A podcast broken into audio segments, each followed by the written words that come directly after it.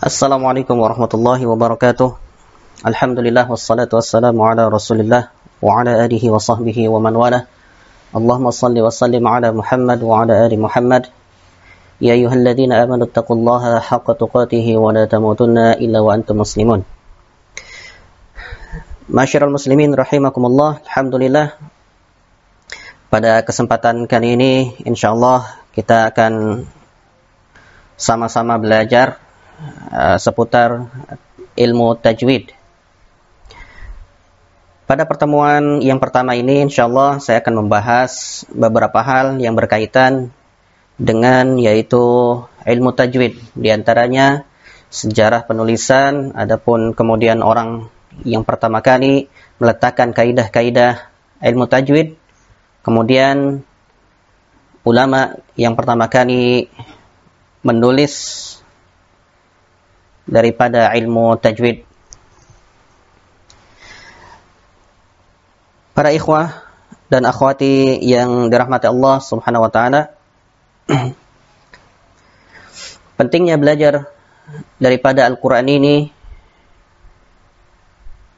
dan Al-Qur'an yang merupakan kalamullah, maka hendaknya kita kaum muslimin hendaknya mempelajari terlebih dahulu yaitu ilmu tajwid. Mengapa demikian? Karena para ulama mengatakan bahwasanya sebagaimana disebutkan dalam manzumat ataupun muqaddimah al-Jazariyah beliau mengatakan wal akhdhu bit tajwidi hatmun lazimu man lam yusahhihil Qur'ana athimu li'annahu bihil ilahu anzala wa hakadha minhu. Bahwasanya beliau mengatakan mempelajari ilmu tajwid itu merupakan hatmun lazim, yaitu suatu kelaziman, suatu kewajiban. Man lam yusahhihil Qur'ana athimu. Maka barang siapa yang mempelajari Al-Quran ataupun membaca Al-Quran tanpa membetulkan kaidah-kaidah ilmu tajwid, maka dia asim, maka dia berdosa. Kenapa demikian? Li'annahu bihil ilahu anzala. Karena Al-Quran merupakan kalamullah yang diturunkan melalui perantara malaikat Jibril yang beliau sampaikan kepada Nabi Muhammad sallallahu alaihi wasallam dengan bacaan-bacaan dan tajwid. Maka dari itu barang siapa yang tidak mempelajari ilmu tajwid dalam membaca Al-Qur'an maka para ulama mengatakan dia asim yaitu berdosa Wahakadha minhu ilaina wasala. Dan demikianlah Al-Quran itu diturunkan kepada kita, yaitu dengan ilmu tajwid, dengan kaidah-kaidah yang telah para ulama sepakati. Para ikhwan dan akhwat yang dirahmati Allah Subhanahu wa taala, pada pertemuan kali ini saya akan membicara ataupun berbicara tentang pengantar ilmu tajwid. Yang pertama yaitu sejarah penulisan ilmu tajwid yang mana sejarah penulisan ilmu tajwid ini yaitu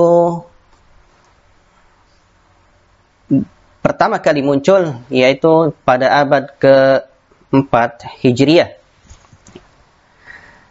Kemudian ada pun orang yang pertama kali menulis ilmu tajwid yaitu Abul Abu Al-Muazim Al-Khaqani yang wafat pada tahun 325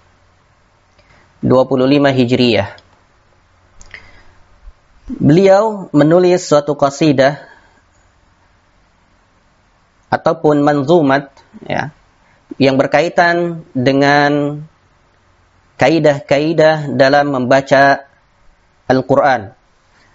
Namun demikian beliau belum memberikan istilah ilmu tajwid akan tetapi beliau hanya mengatakan ataupun di dalam kaidah ataupun dalam manzumat beliau beliau mengatakan husnul ada yaitu memperbagus bacaan dalam Al-Qur'an.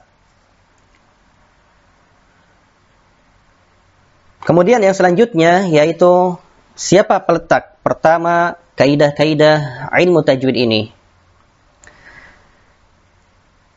Yang pertama kali mengenalkan kaidah ataupun yang meletakkan kaidah-kaidah ilmu tajwid sebelum adanya penulisan yaitu sebagian ulama mengatakan sebagaimana uh, yang ditulis oleh beberapa ulama yang pertama yaitu Al-Khalil Ibn Ahmad Al-Farahidi. Ya. Al-Khalil Ibn Ahmad Al-Farahidi. Kemudian yang kedua sebagian ulama mengatakan yang pertama kali meletakkan ilmu tajwid yaitu Abul Aswad Ad-Du'ali. Ya. Abul Aswad Ad-Du'ali. Kemudian yang ketiga, sebagian ulama mengatakan yang pertama kali meletakkan kaidah-kaidah ilmu tajwid yaitu Abu Ubaid ya Abu Ubaid Ibn Qasim Ibn Salam Ketiga orang inilah yang menurut para ulama yang meletakkan kaidah-kaidah ilmu tajwid.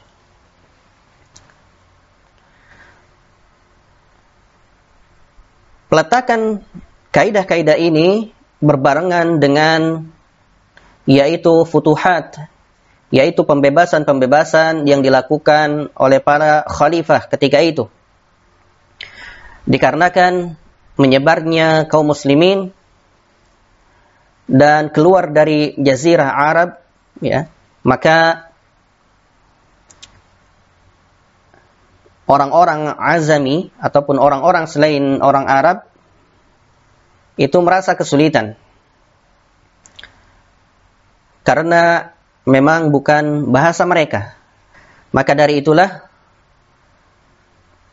para ulama ini meletakkan kaidah kaidah ilmu tajwid. Demikian pertemuan pertama pada kali ini mudah-mudahan dapat memberikan wawasan dan keilmuan bagi kita sehingga kita dapat mendalami ilmu tajwid ini. Demikian subhanakallahumma bihamdika asyhadu an la ilaha illa anta astaghfiruka wa atubu ilaik. Wa sallallahu ala Muhammad wa ala alihi wa sahbihi. Thumma assalamu alaikum warahmatullahi wabarakatuh.